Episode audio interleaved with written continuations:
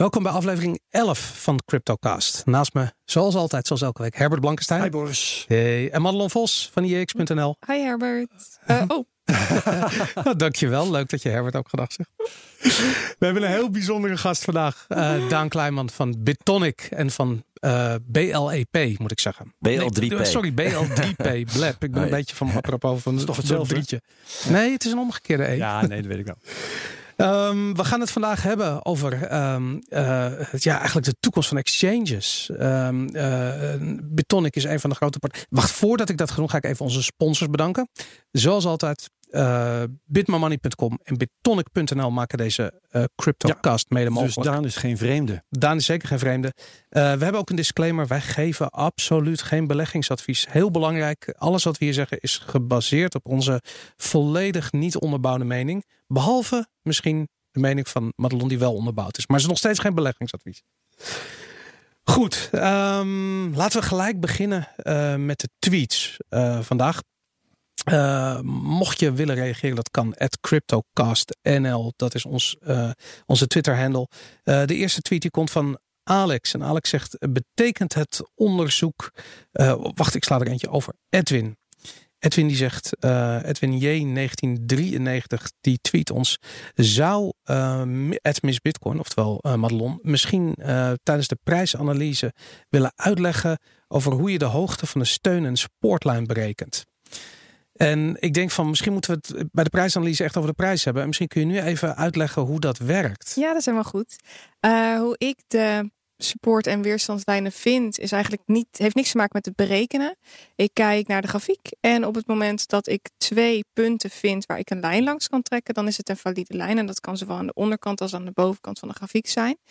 En um, op het moment dat die lijn doorbroken wordt, kan je een behoorlijke beweging verwachten.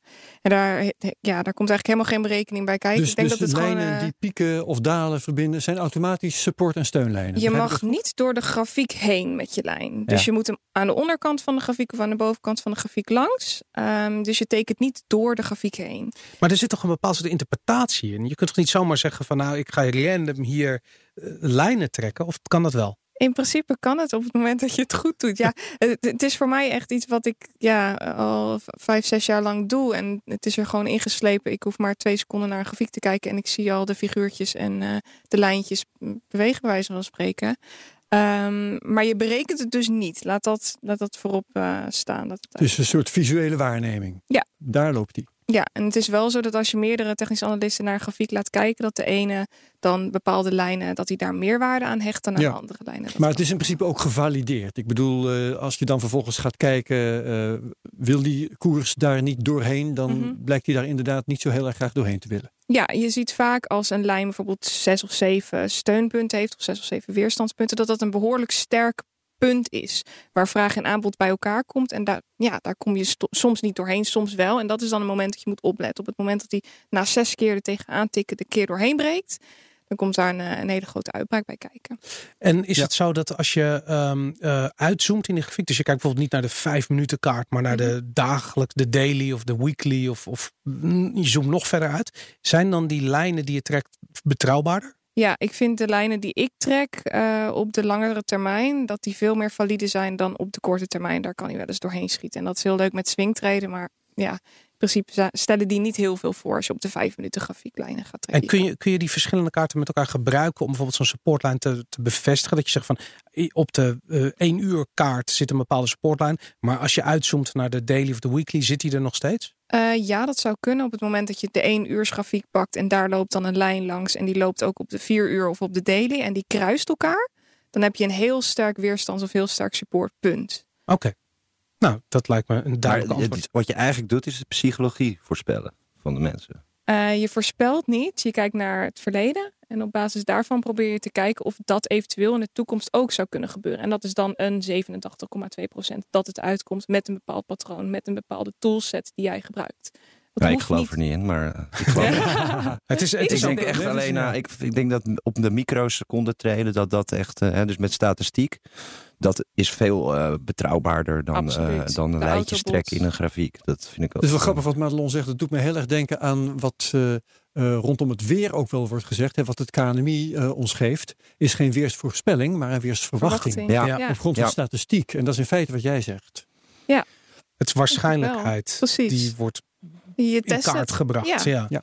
Maar je hebt natuurlijk altijd onverwachte momenten, zeg maar een, eh, een wallet die gehackt wordt en dan, ja, dan, dan vallen al die streepjes Absoluut, als maar dan heb je wel elkaar. je dus- stoplosje eronder staan en dan word je wel uitgetikt en dan kun je lager weer, weer instappen. ja, En nee, die- het is self-fulfilling prophecy, dat begrijp ik, maar het is niet echt mijn stijl, zeg maar. Van, Nee, maar omdat als je de fundamentals heel goed begrijpt, dan zou je daar in principe op lange termijn heel goed op kunnen traden. Ja. Maar in principe wat jij zegt, als er iets dramatisch gebeurt en de prijs stort in elkaar, zie je dat ook terug in de grafiek. Ja. Eh, achteraf gezien wel. Achteraf, ja. ja. Maar Ja. eh, ja, dat is het lastige Ja. ervan. Ja. Het voorspellen van de toekomst blijft toch lastig. Ja. Niemand heeft een glazen bol. Ja, Nee. jammer is dat. Ja. Ik denk dat er heel veel vraag voor is. Ja, zeker weten.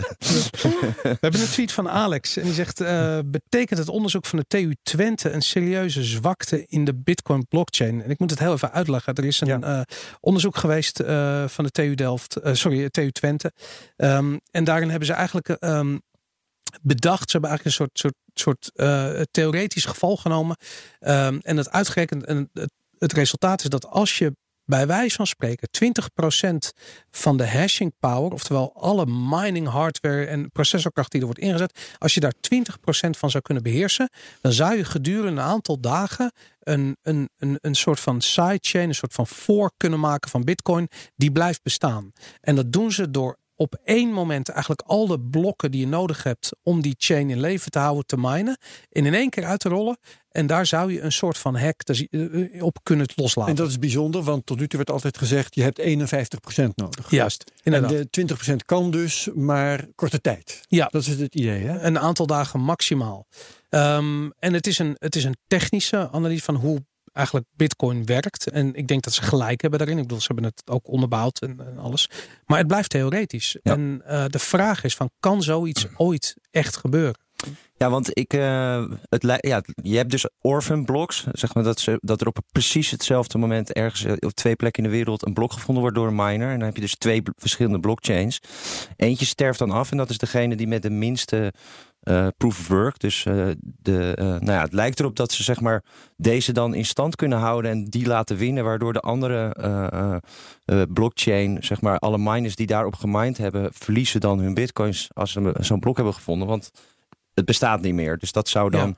Heel Is- veel, maar ja, nou, volgens mij was het dus inderdaad wiskundig bewezen. Maar eh, Ja, de truc zit hem erin dat ze in één, op één moment, in één keer, een aantal bloks gemined hebben en Ja. in één keer loslaten. Ja. En daardoor dus eigenlijk een soort voorsprong hebben van een aantal Ja. dagen max. ja, eh, dan heb je de langste chain. eh, Ja. Wat ei- eigenlijk inhoudt een soort van. Maar de Dat, vraag is, waarom zou iemand zoiets doen? Nou, je zou het bij wijze van spreken een transactie kunnen doen op de main chain. En die kunnen terugdraaien, of eigenlijk op je, op je orphan chain, op je side chain, op jouw chain, wat op dat ogenblik de main chain is. eh, en die eh, later terugdraaien in de andere chain op het moment dat wordt ingehaald. Dus ehm, het enige probleem is. Dus je, je, dus je kan iets kopen met bitcoin. Ja, Ja, je, je kan iets frauderen. kopen met bitcoin. Maar vervolgens is die bitcoin die jij hebt uitgegeven is eigenlijk eh, niet, niet, niet valide. Dus Ja. dan heeft degene die hem ontvangen heeft, heeft een bitcoin die niet bestaat. Dat Ja. is eigenlijk wat dan gebeurt. Het lastige is dat als je het in de praktijk zou willen brengen, zou je dus de controle moeten uitoefenen op eh 20% van het Bitcoin-netwerk. Dat is een ontzettend dure grap. Dus als jij bijvoorbeeld een mining pool zou hacken en het daarmee voor elkaar zou krijgen, nou, dat zou ongeveer briljant zijn. Maar het zou direct eh, opvallen en zo'n partij zou direct eh, eh, buiten het netwerk gesloten worden. Ehm, en de investering die er achter het minen van die blokken zit, is gigantisch. De apparatuur, je, je hebt het over echt vele tientallen, zo niet honderden miljoenen dollars aan investering. Eh, je hebt het over een aantal miljoen aan investering eh, eh, van, qua energie. Dus wat dat betreft, het is een ontzettend grootschalige En als ik het goed eh, ehm, een, een, een partij die al bestaat, hè, die heel veel mining hardware heeft, die zou dit, of, of, of een paar grote partijen die de koppen bij elkaar steken, Mhm. 20 Die zouden dit die kunnen zouden doen. dit kunnen Ja. doen. Maar jij zegt eigenlijk, Boris, vroeg of laat komt het uit. En dan is je reputatie naar de maan en dan word je niet meer geaccepteerd als miner. Nou ja, eigenlijk, als je het heel sec bekijkt, is eh, eh, elke fork van een main chain is dit. Als je kijkt naar bijvoorbeeld Bitcoin Cash, is in feite een geforkte versie van Bitcoin, waar de regels zijn aangepast.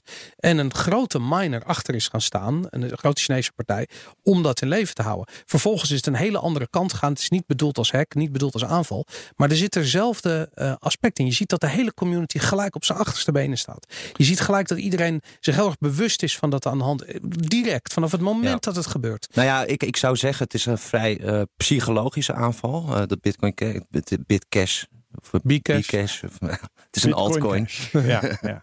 maar in ieder geval, het, ik denk dat het heel interessant is om dit soort aanvallen vanuit de game theorie te benaderen. Omdat je dan heel erg gaat kijken naar incentive. En uh, in principe is het niet in het belang van zo'n miner om dit te doen, omdat hij heel veel geïnvesteerd heeft. En vervolgens zou in principe de prijs misschien wel naar nul kunnen gaan van Bitcoin. En dan ben je dus gewoon al je investering kwijt. Dus dit, de, de, het is niet in je eigen belang. maar goed, je zou kunnen wel kunnen bedenken, als er een kwaadwillende macht is die uh, gaat druk uitoefenen op die bepaalde miner, dan ja. Om, om het gewoon kapot te maken. Bijvoorbeeld dan, de Chinese overheid. Bijvoorbeeld, dan, uh, dan zijn daar dus, uh, dan, dan is dat een zwakte. Dus wat dat betreft, uh, ja. ja, het is goed dat dit soort universiteiten dit soort onderzoeken doen. Dat is heel belangrijk voor Bitcoin. Maar word jij er zenuwachtig van? Nee, nee, omdat ik denk vanuit incentives niet echt een, een, een gevaar is. Maar het is wel, um, ja, het zijn dingen die wel in de gaten gehouden moeten worden. In principe is op dit moment mining wel redelijk te gecentraliseerd. Dus daardoor zie je dat dit soort aanvallen, zeg maar, um, ja, wel dichter bij de, de praktijk komen dan uh, alleen de theorie. Maar deze dan niet zo. Maar het is toch, uh, ja, centralisatie in mining is wel iets wat verbeterd zou moeten worden. Nog. Als je het uh, zelf wilt lezen, het staat op uh, deingenieur.nl. Als je daar zoekt op aanval bitcoin, dan vind je het onmiddellijk. Maar we zetten het ook in de show notes, Boris. Ja, Roderick van Vliet die stuurt een uh, tweet en die zegt: uh, Misschien moeten jullie een keertje aandacht besteden aan de dubieuze rol van sommige social media influencers in de pump en dump acties. Floyd um, Mayweather. Bijvoorbeeld inderdaad. Uh, McAfee, John, John McAfee, ja, absoluut. Ja, ja, zeker. Dus, er, zijn er, er zijn er inmiddels al heel wat. hoe zie jij dat, Madelon? Ik vind het een hele goede als we daar meer aandacht aan besteden met z'n allen. Een heleboel mensen die net nieuw zijn in cryptoland, die worden misleid door de pump-and-dump schemes die er nu rondgaan. je moet je voorstellen dat je je aanmeldt voor een groep. Dat noemt zich de Pump and Dump groep. Dat kan op Telegram, dat kan op Twitter zijn. Die melden dan om acht uur s avonds. We gaan nu allemaal die coin kopen met een hele lage market cap. Waar weinig, weinig geld in zit op dat moment. Een heel laag handelsvolume. Dus waar je snel de koers kunt Precies, opjagen. In de hoop dat ze die koers uh, 100% misschien wel 200% omhoog krijgen in vijf minuten. En dan is de bedoeling dat jij binnen vijf minuten koopt en binnen vijf minuten verkoopt. Nou, dat wordt dan een market order. Uh, vaak gaat die er niet uit. Uh, noem het maar op. Uh, je komt er vaak niet zo goed vanaf. En degene die er wel goed vanaf komt, dat zijn de mensen die admin zijn van de groep waar jij mee in zee gegaan bent. Maar Want die hebben al dus, ver van tevoren gekocht. Dit gebeurt dus echt en uh, dit gebeurt echt. Inderdaad, op die tijdschaal van vijf minuten. Absoluut. Ja, vijf à tien minuten binnen zo'n tijdsbestek moet er dan gekocht en ver. Dat is, dat is, is bijna niet te doen. Bizar. nou moet ik wel zeggen dat Roderick heeft het over de dubieuze rol van social media influencers. En ik denk dat hij het woord pump en dump gebruikt om ICO's te omschrijven. Omdat je ziet veel social media influencers achter ICO's staan. Ja. En op een bepaalde manier zijn het ook pump en dumps natuurlijk. Um, maar daar zie je dat bijvoorbeeld bekende YouTubers geen enkele verantwoordelijkheid nemen voor de financiële gevolgen van de projecten die ze aan het pushen zijn. En we hebben natuurlijk een prachtig voorbeeld gezien met BitConnect. Uh, er waren twee uh, grote YouTubers uh, die volgens mij ook aangeklaagd zijn. En hmm. die rechtszaken lopen op dit ogenblik. Dus, OneCoin was er ook eentje. Ja, ja inderdaad, OneCoin. Daar hoor je nooit meer wat van. Nee. Gelukkig overigens. Ja. Maar, dat, maar goed, dus dit is iets. dit gaan we alleen nog maar meer zien. En ook in Nederland heb ik begrepen. Want uh, er is al uh, iemand opgestaan die zich daarmee bezighoudt. Hebben we het vorige keer over gehad. Gaan we niet nog een keer doen. Ja, want dat zou het alleen maar. Maar het is, het is, een volledig nieuwe markt, dus mensen moeten ook uh, opgevoed en uh, voorgelicht worden, zeg maar. Wat dat betreft, dat zie je nu heel erg fout gaan. Mensen zijn, hebben heel veel hebzucht. Ja. Denken ja. dat ze snel rijk worden. Je hoort alleen maar de succesverhalen om je heen en je denkt, nou, dat wil ik ook. Ja.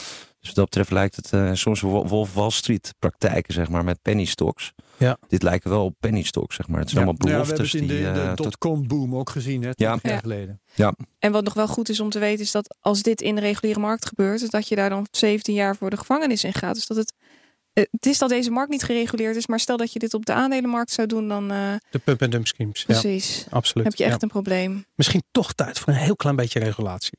Zeker. Goed. Odis, Odis Riedel die stuurt ons een tweet en die zegt: ehm, Wat betekent de hack van de MyEther Wallet? Wat we afgelopen week hebben gezien voor het vertrouwen in, in, in eh, online wallet software. Ehm, zoals jullie misschien weten, is er een DNS-aanval uitgevoerd. Waardoor bezoekers van myetherwallet.com, eventjes uit mijn hoofd, eh, niet die, de originele website voor ogen kregen, maar een een één op één kopie daarvan.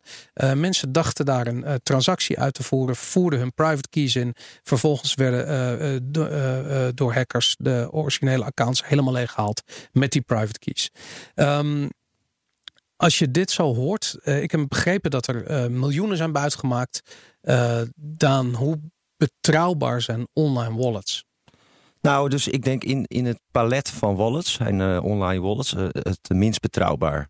Uh, ja, je legt echt het vertrouwen in een, de partij die die wallet beheert. Het is vaak ook niet open source, waardoor de code niet uh, bekeken kan worden door externe. En dat gewoon, ja, dat is, dat is wat dat betreft wel redelijk uh, groot risico. Het is veel gebruiksvriendelijker. Dat is vaak het contrast met de veiligheid. En... Afweging tussen gemak en ja, veiligheid. Ja, maar ja, in, ja. in principe is de wallet software, zeg maar, zoals je op je telefoon of op je laptop of op uh, uh, of hardware wallet of zo, dat, is, dat staat hier los van. Dat is veilig. Dat is ander. Ja, ja maar, um, um, ja, het is, kijk, ik, ik, ik snap het... best wel dat mensen online wallets gebruiken, omdat het gewoon, ja, het lijkt op je internetbankieren, maar ik denk wel dat het gewoon uh, mensen het besef moeten hebben dat de risico dat, dat die gek wordt gewoon de, best wel groot is. Ja. Uh, maar ja, misschien moet je gewoon wat extra veiligheidsmaatregelen jezelf inbouwen. Goede wachtwoorden, uh, two-factor authentication. Dan is er wel wat mogelijk. Maar, maar wacht even, dit was een DNS-aanval. Jullie hebben natuurlijk ook voor jullie diensten online wallets. Hoe kun je een, een, een bezoeker 100% garanderen dat de website die die ziet ook de website is waar die oorspronkelijk naartoe wil gaan. Dat ligt natuurlijk buiten het, de invloedssfeer van een, van, van een, van een wallet ja. Nee. Eens, maar in principe is het daarom ook altijd echt belangrijk om naar dat groene slotje te kijken. En te kijken of dat uh, uh, ge, ge, hetzelfde is als het bedrijf die erachter zit. Als dat niet zo is. Ja, dus de SSL-certificaten die zijn heel belangrijk hierin. Maar dan nog, ja, mensen kunnen op een andere website. Uh, wij hebben met Bitonic een keer gehad dat onze volledige website was nagemaakt op een andere URL. Ik geloof Bitonic met de, twee C's of zo. En dan ja, worden mensen gewoon uh, naar een verkeerde website ge, ge, ja. gestuurd. Er zijn ook voorbeelden van, van kleine Chinese tekentjes die Ja. je blijkbaar in een URL kunt opnemen. Ja, wat betreft Bitonic, dus de Bitonic.nl is echt onze wisseldienst. Uh, dus de, daar koop je uit eigen voorraad. Dus de kans dat daar een hack plaatsvindt is voor een klant niet groot. Nee. Um, maar onze exchange, BL3P, daar, daar is de kans veel hoger. Omdat dat uh, in principe een soort online wallet is. Je logt gewoon in met account en je hebt accounts Ja. waar je je funds hebt staan. En ja, op het moment dat die private keys worden gestolen, dan Ik zag Ja. Wat bij... je ehm, krijgt is naarmate een steeds breder publiek eh, zich gaat bezighouden met crypto, dat ook de totale leken daarbij komen te Ja, zitten. dat zien we en zeker. Dat, eh, Ja. dit, soort, dit soort hacks, waarbij je dus zegt, je moet letten op dit, je moet Ja. letten op dat. beetje technische kennis heb je dan nodig. Ja. ja mensen zijn daar weerloos voor. Ik denk het wel, want ik denk niet dat, dat, dat de- deze industrie daar uniek in is. Want je ziet Nee. elke, je ziet alles continu, zeg maar, mensen die gehackt worden en heel slecht met hun eigen veiligheid omgaan en, en, en hun eigen privacy. En wat dat betreft, ja, eh, eh, is het wel, het is wel eng, al die nieuwe mensen. Ik wil er ook niet, zeg maar, op neerkijken, maar het is wel echt belangrijk dat ze zelf gewoon goed inlezen en bewust zijn van wat ze doen. Bitcoin ben je je eigen bank grotendeels. En, eh, moet Dat is wel de belofte, dingen- zeg maar. Hè? Dus be your Ja. own bank, dat kan je altijd nog, eh, zeg maar, als je zelf eh, je wallet op je, eh, op, je, op je computer of echt een full node draait, dan kan je gewoon helemaal controle houden over je eigen bitcoin. Maar, Maar ja, ik snap kunnen? dat dat voor sommige mensen best wel ingewikkeld is. Dus die, Ja. Die platformen die ertussen zitten, dat is helemaal niet slecht. Alleen, ja, de kans dat er gehackt wordt is, is aanwezig. Dus mensen moeten gewoon ook echt goed hun eigen eh, veiligheid garanderen. In de zin van goede wachtwoorden en eh, two-factor authentication en dat soort ehm, maatregelen, zeg maar. En niet te veel eh, erop hebben staan. Niet je hele vermogen, zeg maar, in zo'n online wallet. Dat zou ik nooit adviseren. En wat Dat- doen jullie dan op het moment dat er een, een nagemaakte exchange opduikt? Ja, wij gaan als eerst dus eh, de, de hostingpartij eh, benaderen. Om het, eh, omdat ja, het gewoon fraude is. En die halen hem vaak Ja. heel snel neer. Dus dan Doe je ook eh, aangifte dan? ja, doen vaak ook aangifte. Ja, Ja. Als het mogelijk is, als het, Ja. als het zin heeft. Ja. Ik vond het een hele mooie technische oplossing van OKCoin. En eh, volgens mij een Koreaanse exchange of Japans. Zoiets. Chinees. Chinees. Chinees inderdaad. Ja. En die hebben, je voert een eh, custom woord in. Wat bijvoorbeeld een woord is wat je vaak gebruikt. Of, of, je, of je bijnaam of wat dan ook. En op het moment dat je op die site komt, staat dat groot in beeld. En iedereen kan een site namaken. Maar ze kunnen hem niet namaken met jouw eigen custom woord wat Ja. opgeslagen Daar heb je dus een soort two-factor authentication eigenlijk. Ja. Eigenlijk wel, ja. Nou ja, als je het vergelijkt met, een, met, je, met je bijvoorbeeld ING-app, zeg maar, die kunnen ze natuurlijk ook namaken. Maar eh, met een app is weer veiligheid dat je niet zomaar. Ik bedoel, als, als je een man in the middle attack hebt, dat iemand gewoon zeg maar jouw internet afvangt, Mhm. dan is dat heel lastig met een app. Maar met een website kan je dat wel veel beter eh faken. Dus ja, wat dat betreft zijn er echt allemaal veiligheidslagen in, Ja. in, eh, in hoe je je beheer Ik wil doet. nog even in- ingaan op iets wat je net zei, wat ik wel heel spannend vond. Je zegt we doen aangifte als dat zin heeft. Wanneer heeft het geen zin dan bijvoorbeeld? Ja, nou, als we echt niet weten waar het vandaan komt, zeg maar. ja. Ja. soms zie je dat het misschien Russen zijn of zo. En dan een totaal eh, onbekende Dan bron. denk je, laat maar zitten. Ja, maar goed, we zijn zelf ook wel handig. Dus we proberen soms terug te hacken. Of in de zin van Hm. kijken of, of het lukt om te achterhalen wie het zijn. En of ze, sommigen beginnen met een VPN, zeg maar. En dan maken ze toch een foutje. En dan kunnen we zien. We hebben wel eens gezien dat het een oude klant was of zo. Weet je? Dus, dat, ja. Serieus. Wauw. dus we proberen daar altijd, zeg maar. eh, ze moeten niet slimmer proberen te zijn dan wij, zeg maar. maar dat lukt soms wel. Ze moeten juist wel slimmer proberen te zijn dan jullie. Ja, nee, goed. eh, als, als het ze echt lukt eh, om eh, dit soort dingen. Want ze, ze, ze ja, belazeren natuurlijk wel mensen. En dat, eh, Ja. Ja, Ja, absoluut. Goed, tot zover de, de tweets. Heb je, eh, eh, heb je ook vragen, dan stuur ze alsjeblieft via Twitter naar CryptoCastNL. Gaan we door naar het nieuws. Ehm, Herbert, heb jij nieuws? Ja, ik heb nieuws. Ehm, dat gaat over The Next Web Conference. Een jaarlijkse conferentie. Iedereen kent dat langzamerhand wel. Hè? Vrij groot in mei. En die hebben dit jaar een eh, nieuwtje. Ze gaan eh, ook een hele, eh, hoe noem je dat? Een hele vertical, een, een hele subconferentie eigenlijk aan crypto wijden. Met niet de geringste gasten. Tim Draper komt bijvoorbeeld, bekende Bitcoin-guru. Charlie Schramm komt, een van de eerste Bitcoiners die eh, een, een ontzettende rij, ik weet niet eens uit mijn hoofd, eh, aan Bitcoin-ondernemingen heeft Hij gestart. had ook een soort heeft wisselkantoor in. Amerika. Ja. Ja, dus van alles nog wat heeft hij gedaan en is, heeft er ook moeilijkheden mee gehad, want hij is op een gegeven moment eh, veroordeeld omdat hij betrokken was bij, wat was het nou? Dat Silk het Road. was. Nee, ja. Silk Road Silk was dat. Road. Maar Ja. hij niet zelf, toch? Ik dacht dat Na het zijn bedrijf heeft precies. iemand bitcoins verkocht die op Die Silk Road werden weer- ingezet. En hij Ja, is erbij zoiets. Ik geloof gehaald. ook dat Dus er hij- e-mail eh, beschikbaar was waarin ze echt wisten dat het niet eh, Ja, oké was. En ja. toch door heeft hij het gedaan. Ja. maar precies. luisterles, Ja, dat is- twee jaar ja. gevangenisstraf. Ja. Oké, goed. eh, alle begin is moeilijk. In ieder geval, hij, hij komt daar ongetwijfeld over vertellen op de Next Web. Dat eh, wilde ik kwijt, maar dat is niet waarom ik er eh, nu mee kom. Waarom ik er nu mee kom, dat is dat ze een trucje hebben bedacht voor mensen die eh, misschien nog net al wel of net nog niet van plan zijn om een kaartje te kopen, om die over de streep te trekken. Kaartje kost 595 euro. De Next Web zegt: ehm, eh, wij gaan de helft van eh, het geld dat wij krijgen voor jouw kaartje gaan we beleggen in crypto. En we kijken een eh, dikke maand later, dus eh, voor 24 mei moet je je kaartje gekocht hebben. Het geldt trouwens voor de eerste 100 mensen. Hè? De eerste Oké, 100 mensen ja. doen hier aan mee. Dat ge- beleggen wij in crypto. En de winst krijg jij als koper van het kaartje. Het wordt dan eh, eind juni wordt het weer verkocht. En de kaartjes waren niet vorig jaar voor 240 euro.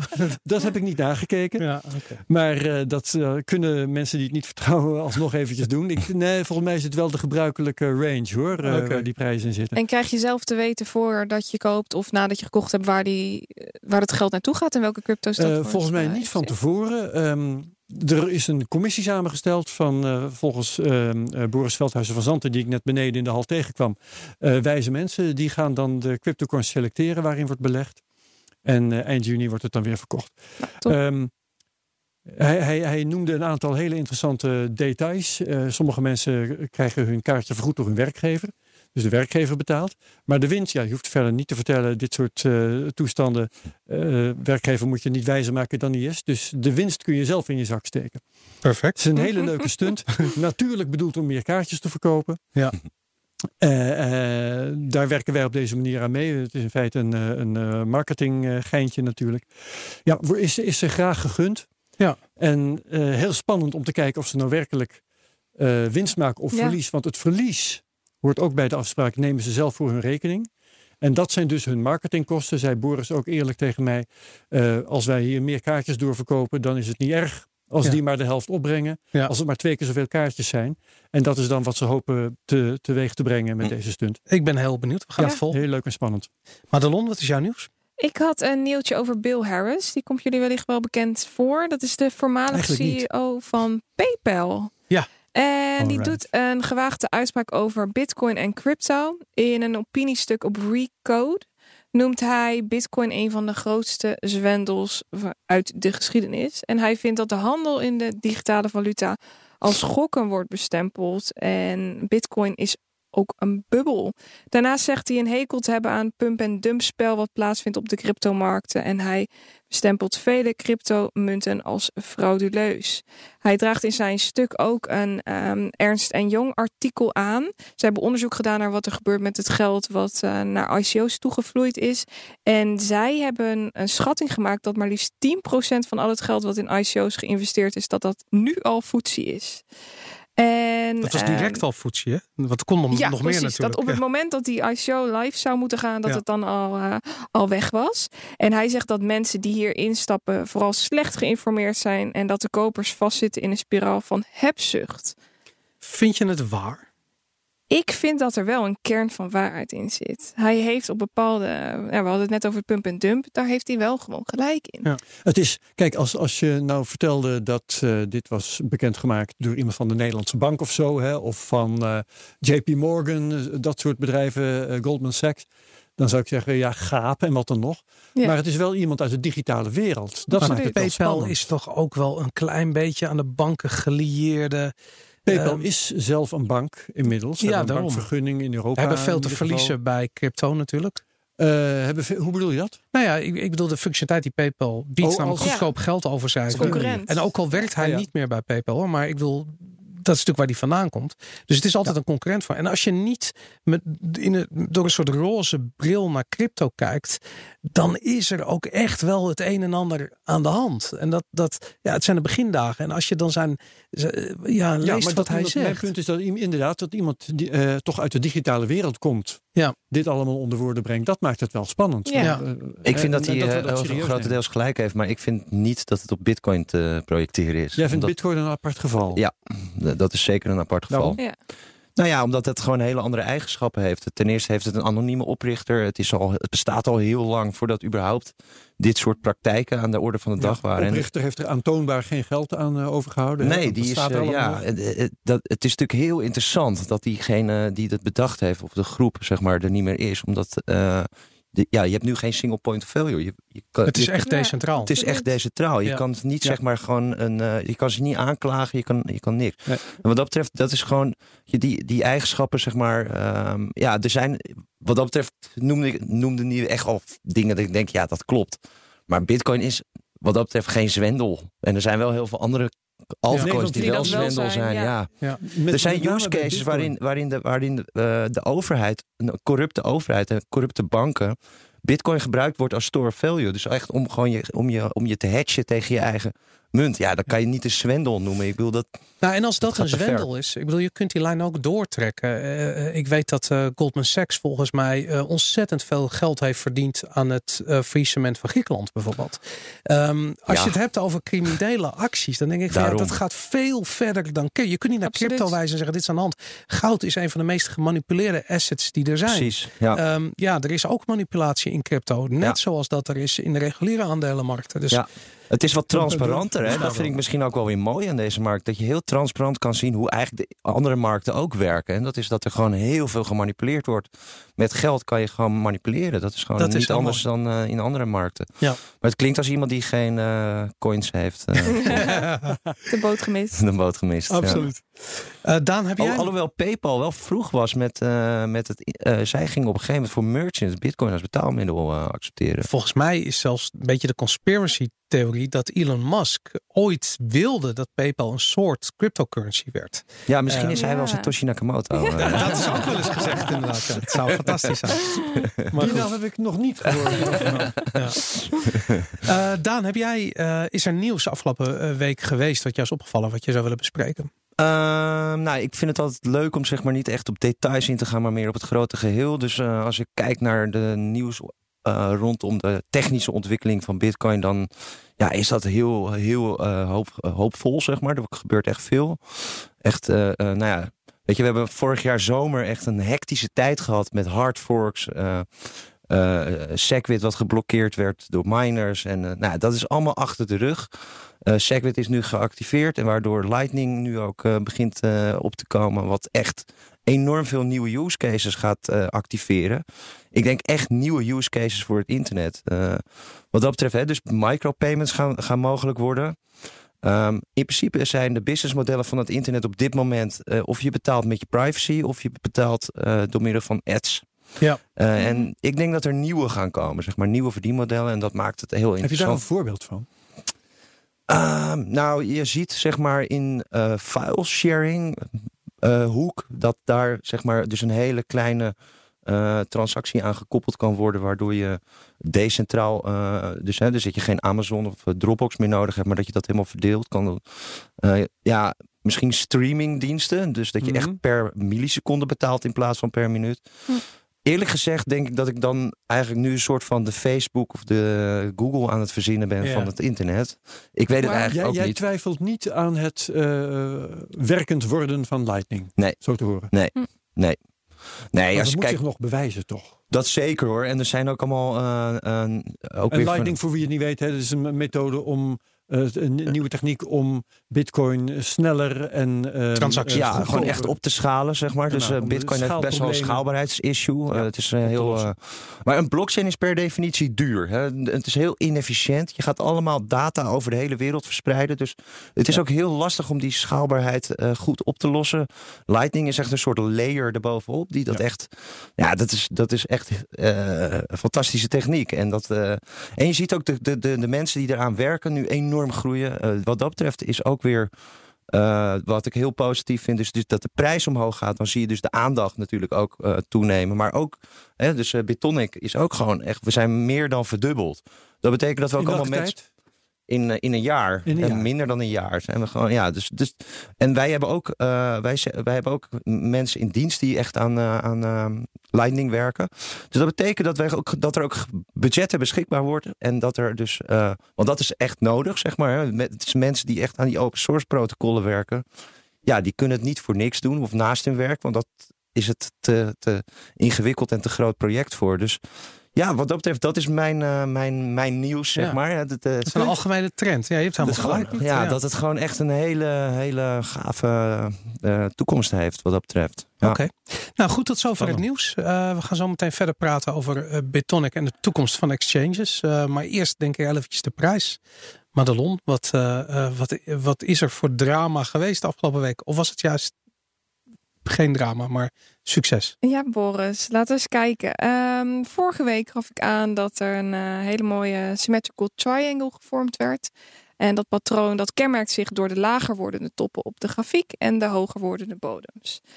En toen gaf ik aan, dit, dit is een heel groot patroon, wat we net ook al zeiden. Op het moment dat patronen echt de langere termijn plaatsvinden, dan gaat er een grootse uitbraak komen. Dit patroon liep al vanaf december 2017 ongeveer. Um, en we zijn uit het patroon gebroken. Dus dat was heel erg positief. En dat ging gepaard met heel veel euforie dat ging gepaard met gekkigheid. Iedereen op de markt die, uh, die was hartstikke positief. En we zagen het ook overal. Ik heb ook op Twitter een vraag gesteld van nou, wie is er bullish en wie is er bearish? Overgrote deel van de mensen die zei ik ben bullish momenteel. En dat is vaak het moment dat ik denk, oh jongens, het sentiment, is, ja. het sentiment is positief. Ik weet niet of dit wel die Lambo nog niet. Nee, nog maar even wachten. En dat was wel grappig, want het was één dag voor de uitbraak. En ik zei nog tegen jullie van nou, ik, ik weet het niet hoor of het wel gaat lukken. En uiteindelijk lukte het. De uitbraak vond plaats en Bitcoin brak uit met slechts 15%. Dus de koers steeg maar 15%. Terwijl maar op 15 procent, dat is toch dat is een uitbraak, toch? 15% in vier dagen is relatief weinig. Oké. Op zo'n grote beweging, op zo'n grote schaal. Ik had er persoonlijk veel meer van verwacht. Zo. En dat is relatief jammer. eh, want wat we nu zien is dat de koers weer aan het teruglopen is. En nu begin ik toch wel behoorlijk te twijfelen. Zou dit een fake-out zijn? Gaan we nu terug testen op eh, de bovenkant van de symmetrical triangle. Dus de bovenste blauwe lijn. Wat was die prijs ook? Eh uit mijn 7000. hoofd. Het leek op een bull trap, maar waarom zou de prijs stijgen? Waarom zou, waarom zou het bullish worden? We zijn uit de bearish trend gebroken. Dus dat is een bullish indicatie. De reden dat men bitcoin gaat kopen is omdat we uit een trend gebroken zijn? Ja, Ja. tuurlijk. Ja, dan, dan ga je geld verdienen. Dan gaan we naar boven. Dan gaan Ja. we met z'n allen Lambo's Als, bestellen. als iedereen dat verwacht, Ja. dan Nee, worden maar we kijk, als zelf je kijkt naar het professioneel. verleden, Als je als je kijkt naar je bitcoin geschiedenis, verkopen.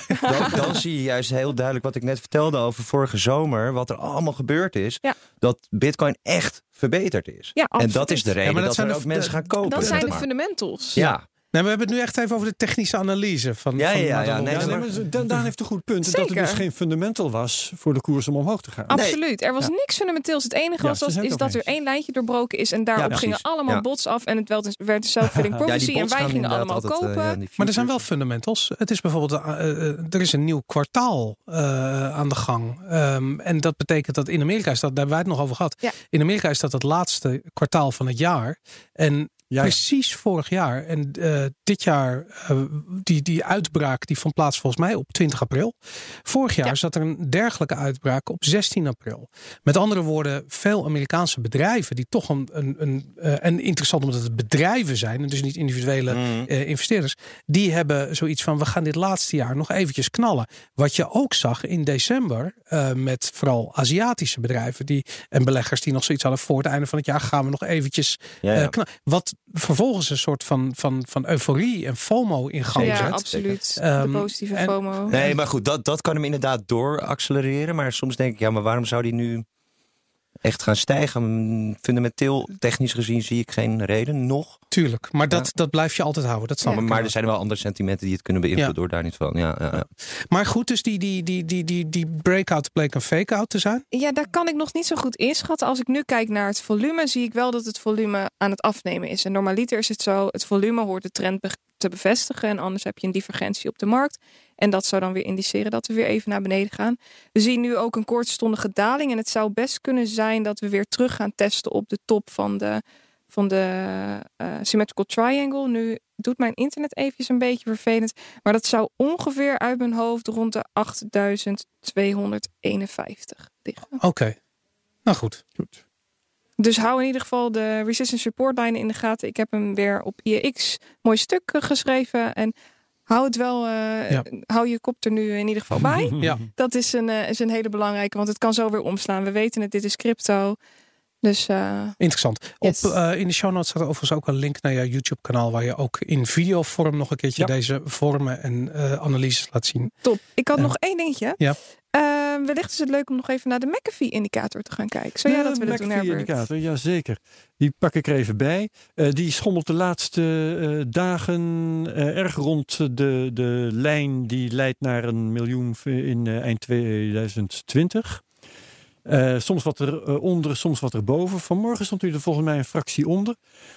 Nu is het 1,1 en een kwart procent boven de lijn die gaat naar 1 miljoen in 2020. Nou, top. Dus het is eh, echt ook wat dat betreft eh, kan vriezen, kan dooien de Ja. laatste tijd. Ja. Niet overtuigend eronder, niet overtuigend erboven. Ik zet mijn geld nog wel in op eh, John McAfee hoor. Dat is een speciale maaltijd. Wij hopen dat hij het net niet haalt. is, Als hij het net niet haalt, hebben wij ons miljoen. en heeft hij zijn eten. Zullen we nog snel even gaan kijken naar onze game die wij spelen? Aan het begin eh, van Ja, dit podcastseizoen eh, hebben we duizend fictieve dollars zijn we gaan beleggen. En ehm, dat is vervolgens hebben we dat zien ook daar heel verdampen. spannende dingen. Inderdaad, En voor het eerst. En ik heb een, ehm, eh, mijn laptop is inmiddels uitgevallen, dus ik, ik ga het eventjes vanuit mijn telefoon eh, eh, ophalen. Ehm, mijn eh, portfolio is vanochtend, eh, ehm, was hij 993 dollar en 16 cent waard. En dat is eh, Ik eigenlijk... heb nog een screenshot van jou gezien met 999. Ja, Oh, 999, je hebt Ja, gelijk. Ja, Ja, nee, ja, die, ja. heb ik- dat, die kwam daarna, die heb ik nog gestuurd. En En het dat, mooie was, we hadden daar ruzie over. Want ehm, Eh, dus bij alle waarden van jouw coins stonden rode cijfers. Dat wil zeggen dat ze net gedaald waren de afgelopen 24 uur. Dus zonder dat jij het zelf in de gaten hebt gehad, omdat je niet elke dag kijkt. Ben ik even over Heb de... jij, heb jij in, in de plus gestaan? Eventjes in de plus gestaan, inderdaad. Ja. Nou ja, goed, ik kijk het. Het is maar virtueel. Ik bedoel, soms. Eigenlijk afgelopen maanden was, was, was ik blij dat ik het niet, eh, dat dit niet echt was. En eh, is het een spel? En nu, eh, nu heb ik zoiets van. Je nou, hebt ook geen stalen zenuwen, Boris. Nee, dat Nee, heb ik dat zeker niet. Nee, beleggen is niet voor mij. Dat weet ik zeker. Ik ben veel te emotioneel voor dit soort, eh, voor dit soort. Waar, eh, waar sta jij momenteel, Herbert? Ehm, ik stond, nou, dan moet ik zelf ook weer even gaan kijken. Ja, ik heb hem hier staan. Ik stond vanmorgen op eh, 708 dollar. Oké. Dus ik sta nog comfortabel in de min en het doet me niets. Ehm, maar wat wel leuk is om te vertellen, we hadden hier twee weken geleden Robert Nas. Ja. En die eh, raadde ons een hele vage coin aan. Zilica. Zilica. Die eh, zou gaan stijgen. En die eh, is toen gaan stijgen. Toen dacht ik, ja, nou, eh, nou krijg ik last van FOMO. Dus toen heb Ja. ik hem fictief gekocht voor mijn portefeuille hier zo. Ja. En ehm, wat nou heel grappig is. Ik deel mijn portefeuille op in allemaal partjes die overeenkomen met 100 dollar destijds van die Ja. oorspronkelijke duizend. Hè? Uh-huh. Dus ik zie dan dat mijn ether staat op eh, 130 of iets dergelijks. En dan weet ik, ja, oké, dat, moet- dat, was, dat moet dus eigenlijk 200 zijn. Ja. Mhm. Oké. Dus ik had, vorige week had ik eh, iets van zoveel en 80 dollar aan silica. Hm. Dat lag nog redelijk dicht bij de 100, omdat het al die tijd bitcoin is geweest. En zo hard is hij ook weer niet gedaald. En Ja. toen was Silica al 60% gestegen ten Ja. opzichte van de week ervoor. Maar nu eh, is er één coin van mij die zeg maar in de plus staat. En dat is silica. Ja. Dus dankzij het feit dat die bitcoin zich nog redelijk goed heeft gehouden. En dat die silica in de afgelopen week nog wat is extra is gestegen. Heb ik nu dus 109 dollar aan silica. Terwijl al mijn andere coins in de min staat. En dat, dat, daar leg ik nou de nadruk op, omdat het zo grappig is. Ehm, als je dus tot nu toe je bitcoins hebt vastgehouden in plaats van altcoins, dan zat je relatief goed, want de alt- Ja. altcoins daalden veel harder. Ja. En nu zijn het eh, op dagen dat er stijging is, zijn het de altcoins die het hardste stijgen. Mhm. En dat is eigenlijk ook wat Robert zei twee weken geleden. Hè. Die altcoins die zijn wel klaar met dalen zo langzamerhand. Ja. Dus ga daar eens naar kijken. En eh, wat dat betreft zou het een slimme truc zijn op dit moment, lijkt het, om je bitcoins om te zetten in altcoins. Eh, omdat die altcoins harder aan het stijgen zijn. Ja. En dat, mijn Silica laat dat op dit moment zien. En dat wou ik er even uittillen. Oké. Ehm, qua strategie ga je nog aanpassingen doen? Nou, ik overweeg dus inderdaad om nog wat andere altcoins uit te zoeken. Ja. En ik heb vanochtend gekeken en ik zag er niet één die eruit sprong. Ik keek dus eigenlijk, eh, kan ik er ergens één zien die lekker hard gedaald is? Dan is dat misschien een goede kandidaat. Ja. Heb ik niet gevonden, dus ik eh, hou dat nog even in de gaten. Maar in die richting denk ik. Ja, ik ben nu eh, emotioneel op zo'n plek aangekomen dat ik, ik verkoop alles en ik koop gewoon weer bitcoin voor. dat gezeur met precies die altcoins. verkeerd. Ja, ik snap het inderdaad. Tenminste, ja. Het is ook geen beleggingsadvies. hè. maar Lon, jij, laat jij je licht er eens over schijnen. Wat, wat zou jij doen op dit moment? Eh, ik ben van de week een beetje aan het daghandelen geweest. En dat Zo. ging eigenlijk eh, behoorlijk lekker. Ik heb mijn Twitter-volgers er ook wat over verteld wat ik dan aan het doen was. En eh, dat ging behoorlijk goed. Maar dat is niet, het zijn geen grote, grote Nee. bedragen. Dan kijk je echt naar 8, 10 procent eh, per token. Nou, dat is hartstikke leuk om even mee te pakken. Ja, en wat. eh, nu voor de lange termijn zit ik eh, nog steeds vol eh, in bitcoin. En ik heb drie andere tokens. Maar daar laat ik Ja. op dit moment liever even niet over uit. Nee, oké. Nee, want dat wou ik juist wel vragen. Zijn er altcoins die jij de wereld zou aanbevelen? Helemaal fictief natuurlijk. Ja. Maar daar hou je je mond over. Daar hou ik het nog Oké. even Heel verstandig. Dan gaat iedereen het doen, dan gaat die prijs er weg. Nou goed, oké. Dan Eh, heb ik nog mijn eh, ja. 100 dollar per week eh, onderdeel. Elke week leg ik 100 dollar in. Fictief natuurlijk. Maar dat is wel heel grappig, want eh, ik heb nu mazzel. En eh, daarom ben ik altijd zo vrolijk. eh, dat eh, gisteren er een flinke daling heeft plaatsgevonden. Dat wil zeggen, alle stijging van eergisteren is weer goed gemaakt, om zo te zeggen. Dus ik had relatief voordelig had ik mijn 100 dollar van. Maar ik blijf dat raar vinden. Als je er zo naar kijkt, had je veel beter op dag één dat je dit deed, alles uit kunnen geven.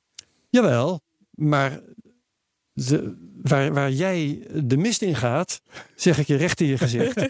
dat is dat je telkens uitgaat van de kennis die je nu hebt. Ja. En Ja. dat je daarmee je daden van eh, lang geleden gaat zitten ook beoordelen. andersom Ja, kunnen ik doe me altijd zijn. denken aan dit programma Deal or No Deal. Dat je met die koffertjes. Ja, oh ja, ja, ja. met bovenaan gewoon random. Ja, Ja. achteraf, ja, ik had eigenlijk dat koffertje willen doen. Ja, nee, maar dat, zo werkt het Dat is, niet. dat is precies dat. Het is Ja. volledig Natuurlijk random. was het achteraf bezien beter geweest. Maar als de koersen waren gedaald, dan was Ja. het juist andersom geweest. En dat kon op dat moment ook. Ja, dat klopt. Weet Zelfs wel? naar de 3000 dollar heeft Mm. Madelon nog wel En, verteld. en ja. dat is eh, wat ik steeds hier betoog. Eh, ik ben altijd blij, want als de koersen waren omhoog gegaan, dan waren de 300 dollar die ik tot nu toe erin had gestoken, die waren mee omhoog gegaan. Ja. En nu zijn de koersen omlaag gegaan, de, van de bitcoin in ieder geval. En dan En kan ik bijkopen voor een voordelig tarief. Ja. Dus op dit moment met 400 dollar ingelegd sta ik nu in, in totaal op 463 dollar. Wauw. En dat is dus 15% winst in vier weken. Nou, daar kun je bij een bank eh, kun je daar niet mee aankomen. Nee, absoluut. Duidelijk. Goed, laten we gaan eh, naar Daan Kleinman. Laten we het gaan hebben over exchanges en de toekomst van exchanges. Eh, gisteren of eergisteren kwam er een nieuwsbericht voorbij dat de Nasdaq, een grote Amerikaanse beurs, heeft aangekondigd. Wij gaan ehm, eh, een, een major player worden in het crypto-landschap. Ontzettend eh, bullish zijn ze daarin. Mhm. Vervolgens zagen we de cijfers van de kwartaalcijfers van Deutsche Bank voorbij komen. En veel mensen in de crypto scene die daar gekscherend op reageerden van nou, er zijn nogal wat eh, eh, eh, crypto exchanges die beter presteren dan Deutsche Bank. Een beter rendement halen dan Deutsche Bank. Ehm, we zien dus de trend dat, dat traditionele financiële instellingen eigenlijk achterblijven ten opzichte van crypto. Sterker nog, gaan richting crypto. Ehm, mijn Goldman Sachs heeft een crypto-expert ingehuurd. dat ook natuurlijk. Ja. We zagen natuurlijk als Circle, eh, waar eh, ehm, eh, volgens mij JP Morgan ook Goldman achter Sachs. zit. En Goldman Ja. Sachs achter Ja. En waar die, die natuurlijk eh Poloniex hebben overgenomen. Ja. Dus je ziet die overnames, je ziet, die, je ziet eigenlijk die grote financials richting die, die crypto exchanges Ja. toe bewegen. Hoe staan jullie daarin? Ik bedoel, eh, als je kijkt naar eh, BL3P, jullie exchange. Mhm. Ja. ehm, jullie zijn de enige Europees eh, opererende exchange vanuit Nederland. Worden jullie platgebeld door de ABN en de ING en de Rabobank? Of hoe, hoe, hoe, ziet die, hoe, hoe gaat dat? Nee, nee, maar ik denk wel de voorbeelden die net naast Nasdaq, zeg maar, zo- zo'n Circle is. Ik denk dat het best wel slim is van zo'n Goldman Sachs om te investeren in zo'n start-up als Circle, omdat ze daardoor. Zij, ik denk dat ze het niet kunnen, de regelgeving technisch. Er zit, de, zij moeten aan zoveel regelgeving voldoen om eh, eh, zeg maar hun licentie te hebben. En dat betekent bijvoorbeeld transactiemonitoring. Ik denk dat dat voor, een, eh, voor crypto vrij lastig is voor een exchange. Ja. Dus je kan niet alles zien waar het vandaan komt en waar het heen gaat. Hoe werkt dat in Nederland? Is die regelgeving opgelegd door de AFM? Of is dat, zijn het Europese regels? Of zijn er nog geen regels? Nou ja, eigenlijk zeg maar onze exchange BLDP, eh die komt al uit 2013. Eh, eind 2013 was echt de, de, de alpha versie. Begin 2014 beta versie live. We zijn toen een traject ingegaan met de Nederlandse bank om een vergunning aan te vragen, omdat we, omdat we euro's aanhouden van klanten. Ehm, nou, dat is sowieso best wel een eh, ja, behoorlijk proces. Eh, en uiteindelijk de uitspraak was van de Nederlandse bank. Dus wij hebben echt met de Nederlandse bank te maken, niet met de AFM. Ja. Ehm, het was de uitspraak dat, dat we geen vergunning nodig hadden, omdat we onder een uitzondering vielen. Dus ja, eigenlijk een soort van: oké, nou ja, dan hebben we in ieder geval duidelijkheid. Eh, Kun je on- onder woorden brengen wat die uitzondering precies is? ja, nou goed, het ging uiteindelijk zeg maar. ehm, de, de, het doel van ons platform was niet om euro's aan te houden volgens hun. Waardoor Mhm. je. Het lijkt een beetje op een ticketpartij. hè. Een ticketpartij die daartussen zit. Zo'n. eh, zo'n eh, Ja. ehm, Ja, hoe heet letterlijk het, een exchange. Je bent een uitwisseldienst ja, voor kopers Maar en is verkopers. wat dat betreft wel heel raar. Want wij kunnen natuurlijk miljoenen van klanten vasthouden. En, en daar is die regelgeving voor bedacht. Dat je dan onder toezicht staat. Ja. Omdat je klanten van, of, eh, omdat je funds van klanten beheert. Ja. Ehm, dus en uiteindelijk zeg maar het, het lastigste gedeelte was gewoon de relatie met banken. Dus de exchange heeft een bankrekening nodig om de euro's op, op te slaan. En ja, daar zijn, eh, eh, weet je, we hadden wel bankrekeningen, maar die, die, die, die banken wilden daar, ja, die wilden eigenlijk die exchange, vonden ze veel te hoog risico, eh eh, kostte te veel compliance. Is dat nu anders? Is dat veranderd? Nou ja, er zijn wel wat eh, eh, deurtjes geopend hier en daar. Eh, ehm, en ja, ik denk wel ook, zeg maar, zeker door de hype van december, november, dat de wereld veranderd is. Hè? Dus de- ook de, de, de visie en de, de, zeg maar, van banken en de, de, de Nederlandse bank. Kijk, de Nederlandse bank dacht op dat moment natuurlijk ook van ja, dat bitcoin, dat is allemaal leuk, maar dat is nog een experimentje. En we, we willen eerst wel zien of het gaat overleven überhaupt. Zeg Maar, maar. maar luister eens, ehm, ben jij het er zelf mee eens dat jullie een riskante onderneming... Kijk, elke onderneming is riskant natuurlijk, dat begrijp ik ook wel. Maar uh, jullie zijn een platform.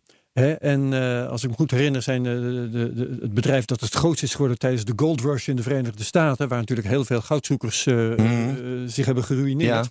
Maar het bedrijf dat daar wel bij voer was het bedrijf dat ze schepjes en, en zeefjes verkocht. Ja, ja, ja. Dus ja, je, nee, kunt, ja je kunt klopt. maar beter het platform zijn. Ja. Als, als de bitcoin de lucht in gaat, dan gaat het goed met jullie. Als Ja. de bitcoin naar beneden gaat en iedereen verkoopt, Volatiliteit is goed. Ja, gaat het ja, ook ja, goed met jullie, want jullie verdienen aan de handel. klopt. Dus hoe beoordeel je, jij dat risico? Nou, kijk, de risico zit hem volgens mij voor de banken zeker. Vooral op het eh, eh, witwassen en terrorismefinanciering. Daar Oh, zijn dat. ze gewoon heel bang voor. Eh, en daar zijn natuurlijk hele spastische reacties en regelgeving op gebaseerd. Ik bedoel, het is natuurlijk arrogant om te denken dat je alle transactie kan monitoren en dat je daardoor alles kan Ja. eruit kan filteren wat, eh, wat slecht is. Ik bedoel, dat is gewoon niet zo. En het maakt het uiteindelijk, vind ik, wel eh, lastig in de zin van Nederland zou ook voorop kunnen lopen eh, en gewoon echt veel pragmatischer kunnen kijken naar een bedrijf zoals wij. En daar, weet je, dus de banken, ze, ze geven een risico, de DNB geeft een risicowaarschuwing. De banken zeggen, ja, zie je, de DNB eh, komt Ja. bij ons langs als we jullie als klanten zo, zit je Ja, in een ja. soort houtgreep. En over En- drie jaar dan gaan mensen weer klagen, we lopen achter, we moeten een achterstand goed maken. Ja, ja. En, en dan vervolgens eh, zie je wel, vind ik, dat vind ik heel jammer. Hè? Dus onze exchange bestaat al in 2013. Zie je dus Amerikaanse spelers die onze markt inpakken. Ja. Dus Europa, Europese Ja. markt eh, veroveren. Ja, ja, dat hadden wij ook kunnen zijn.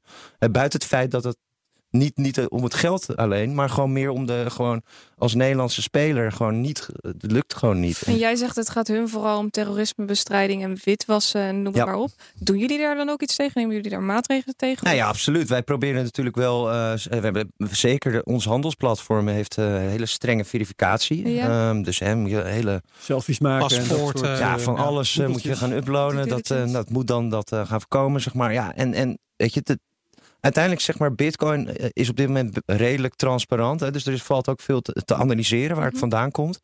Ehm, maar ja, ook dat gaat wel veranderen in de toekomst. En, en ik snap best wel dat het eng is voor dit. eh, maar je, je, weet je, het is net zoals Napster en BitTorrent. Napster was gecentraliseerd, die kan je wel de nek omdraaien. Maar er gaan allemaal alternatieven komen die Hmm. Ja. zeg maar decentraler en niet neer te halen zijn. Nou ja, ik denk dat je beter kan samenwerken met een partij als ons. Maar goed, we zijn dus wat dat betreft wilden we al veel meer en veel eerder eh, Europa in. En dat is, eh, heeft tegengezeten. En nu beginnen we eindelijk weer, eh, met, ja, we hebben wel weer vooruitgang. En Ja. ja, we, je, je- natuurlijk in, in december, november was het echt gekke huis. Wij hebben zelfs ook onze exchange even dichtgegooid, omdat we de verificaties niet aankonden. Ja. En we konden gewoon niet meer de gewenste eh, service leveren. Incidenteel waren jullie bitcoins ook gewoon op, volgens mij. Ja, dat is wel dan weer de wisseldienst inderdaad. Bitonic. Ja, ja, ja, ja. Ja, ja, dat nee, dan zie Ja. je zeg maar, soms zie je dus eh, eh, met de prijsdaling of stijging gewoon even tijdelijk dat gewoon echt alles opgekocht wordt. En dan moeten wij weer geld sturen naar zo'n exchange. En dat duurt heel even Ja. voordat dat er is. En dan zijn we een soort van uitverkocht. Nou, dat altijd tijdelijk van aard, maar dat, dat, dat, eh, ja, dat gebeurt zeker. Ik, ik, ik zat eventjes na te denken. Van, kijk, de, de belangrijkste reden, en ik heb zelf ook eh, BL3P eh, gebruikt een tijdje. En de Ja. belangrijkste reden om dat te doen voor mij was omdat ik eigenlijk niet zo makkelijk een andere dienst kon vinden waar ik Bitcoin kon, kon omruilen naar euro's. Ja. En er zijn natuurlijk wel wisselkantoren zoals eh, Bitonic en, en Bitmy Money, bij wijze van spreken, waar Mm. snel Ja, eh, kan omwisselen. Maar die zijn erg duur. En, Ja, ehm, relatief. ja, Ja. relatief erg Ja. duur. Ik bedoel, eh, kijk, als je het duurder. hebt over één hele bitcoin bijvoorbeeld, dan is anderhalf procent van die pak een beetje 8000 dollar, dat is nogal wat. Ja. Ehm, maar stel je voor dat je eh, eh, bij jullie gebruik maakt van BL3P, Mhm. dan, dan kun je dus die, die bitcoin verkopen naar euro's. Of Ja. dat beetje bitcoin verkopen naar euro's. En dat even laten staan. Ja. Zonder dat je direct die anderhalf procent ja, eens. Ja, betaalt. Ja. Begrijp ik dat goed? Ja. Dat klopt. Nee, het is niet anderhalf procent hoor. Dat is heel lastig. Eh, sorry, ik- maar, maar, het maar verschil. ik, snap, ik snap wat je bedoelt. Ja, nee.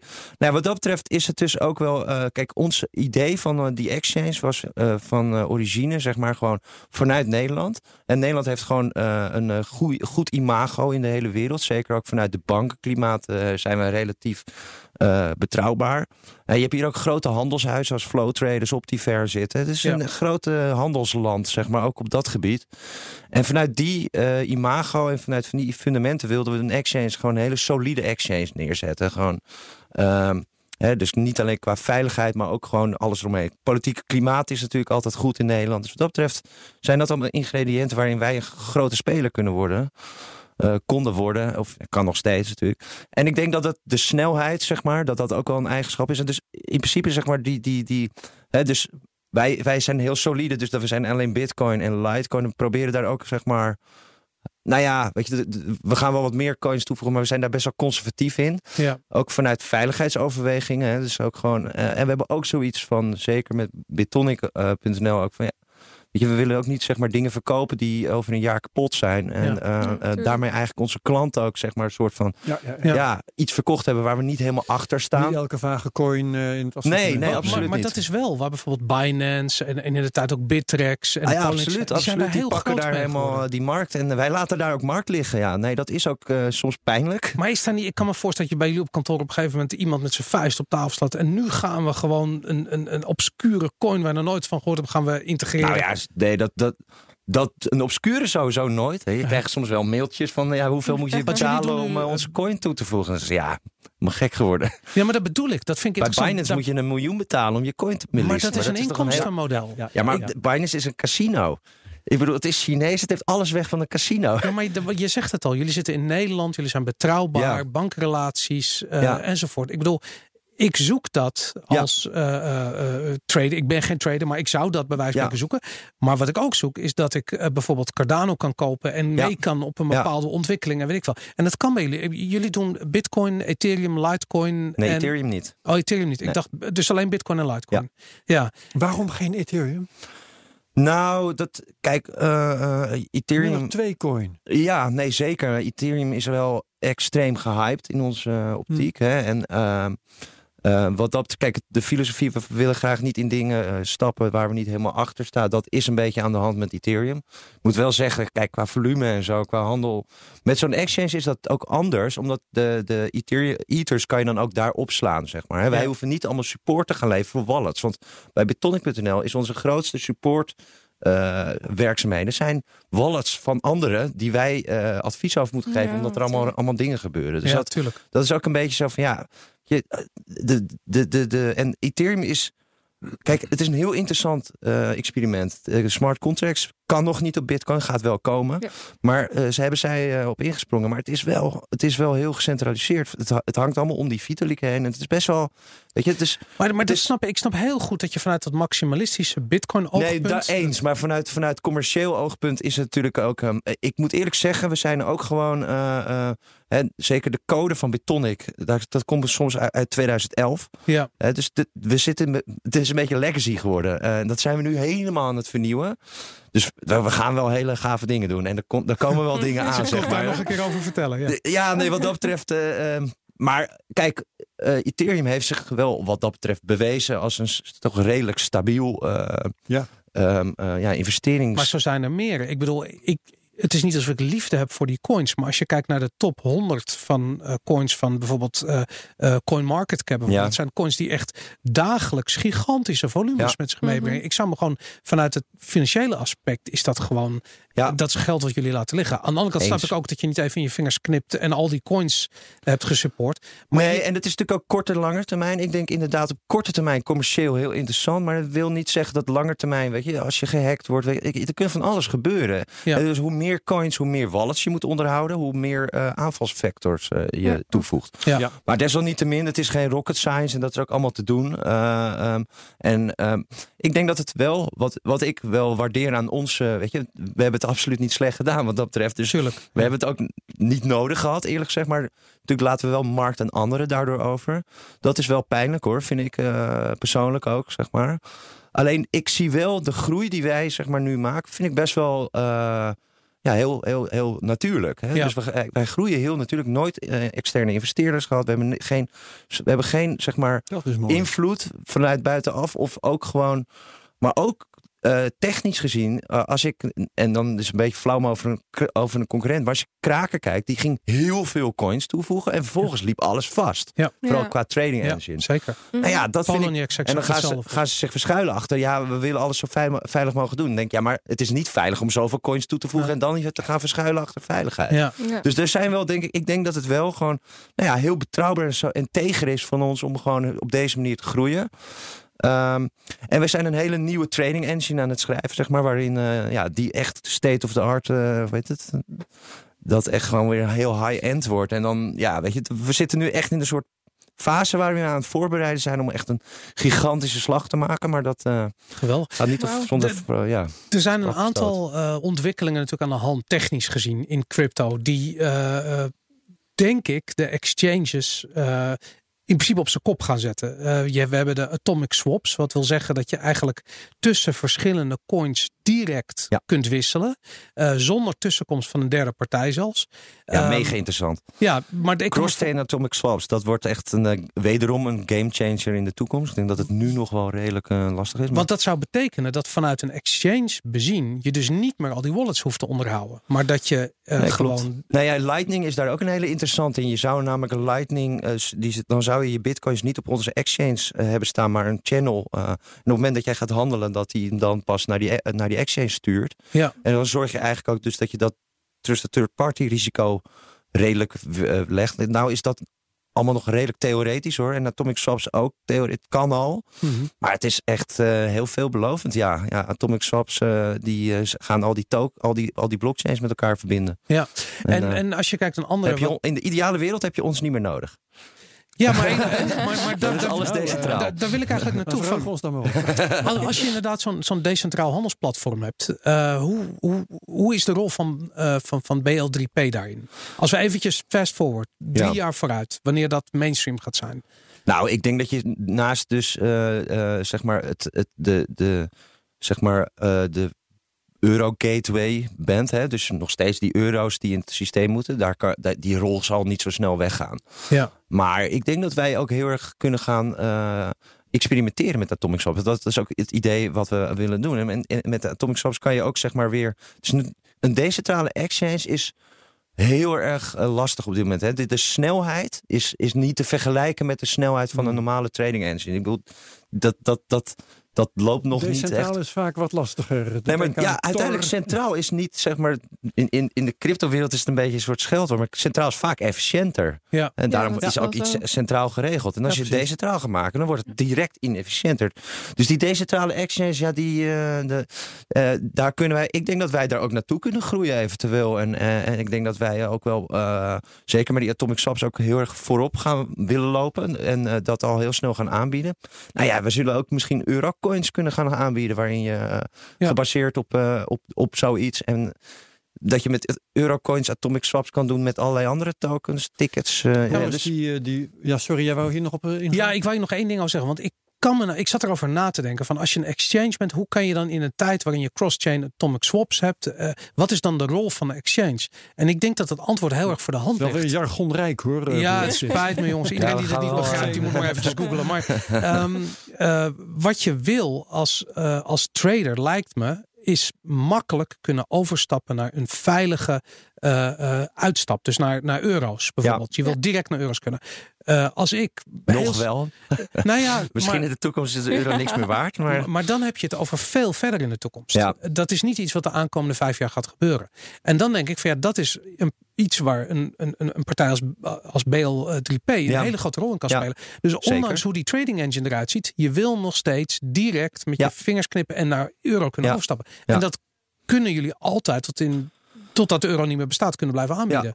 Nou ja, goed, het hangt natuurlijk vanaf. Als, als, eh, eh, als het voordeel van ons wegvalt om het via ons te doen, waarom zou je het niet via een andere partij doen? Hè? Ik bedoel, nog steeds die Nederlandse roots en, eh, en eh, banken, dat is natuurlijk Ja. hè, ook heel snel. Vaak, zeker voor Nederland. Nederland is ook gewoon heel groot in deze wereld. Maar ik weet waar jullie zitten. Letterlijk hier verderop in de straat. Ja. ja. Terwijl ik, ik weet niet hoe ik Binance Nee, precies. krijg, Ja, maar ja, dat- nee, nee, maar Binance kan je volgens mij dus ook geen euro's. eh, en dat is ook een hele... Nee, Opcoin wel volgens mij. Ook Maar Binance gaat nu ook Nee. naar Malta. En volgens mij zitten daar ook heel veel casino's en zo. Ja, Het is allemaal-. Nee, maar niet om, om dan negatief. Maar het is wel weer gewoon uitkijken geblazen met dat soort partijen. En ik Ja. vind dat ze het wel heel goed doen. Technisch zit het ook goed in elkaar. Maar het is wel. Weet je, ik denk dat daar een hele grote rol voor ons inderdaad ligt. En, en we moeten gewoon daarin solide blijven in Ja. een wereld die. Ja. We zijn conservatief in een wereld die heel erg. ehm, Nieuw is. Ja. En dat is soms een beetje tegenstrijdig, maar ik denk soms ook wel verstandig eh, wat dat betreft. De tijd Ja. is wel zo'n beetje om. Ik wil, ik wil nog, want eh, jij had het net, Boris, over fast forward drie jaar. Ik wil nog even rewind, drie maanden. Eh, we hebben een, een hele crash-crisis achter de rug, hè? een eh, periode. Hoe werkt dat bij jullie? Ik kan me voorstellen dat als alles omhoog gaat, dat jullie ook vreselijk blij zijn. Want sommigen van jullie zullen wat bitcoins hebben en, en dan ben je blij. De business gaat omhoog Mhm. enzovoort. Maar wat is het effect op een bedrijf? Dan denk ik vooral aan, aan, aan Bitonic, hè, het wisselkantoor. Ja. Wat gebeurt er bij jullie allemaal als de boel in elkaar dondert? De prijs. De prijs. Eh, nee, prijs van ja, nee, maar, eh, wat dat betreft, beide kanten is het gewoon heel erg veel eh, onze systemen de lucht in houden. Omdat de druk, Drukte. de drukte komt. En dat betekent Ja. dus echt dat de druk op de systemen toeneemt. Maar ook dus op support.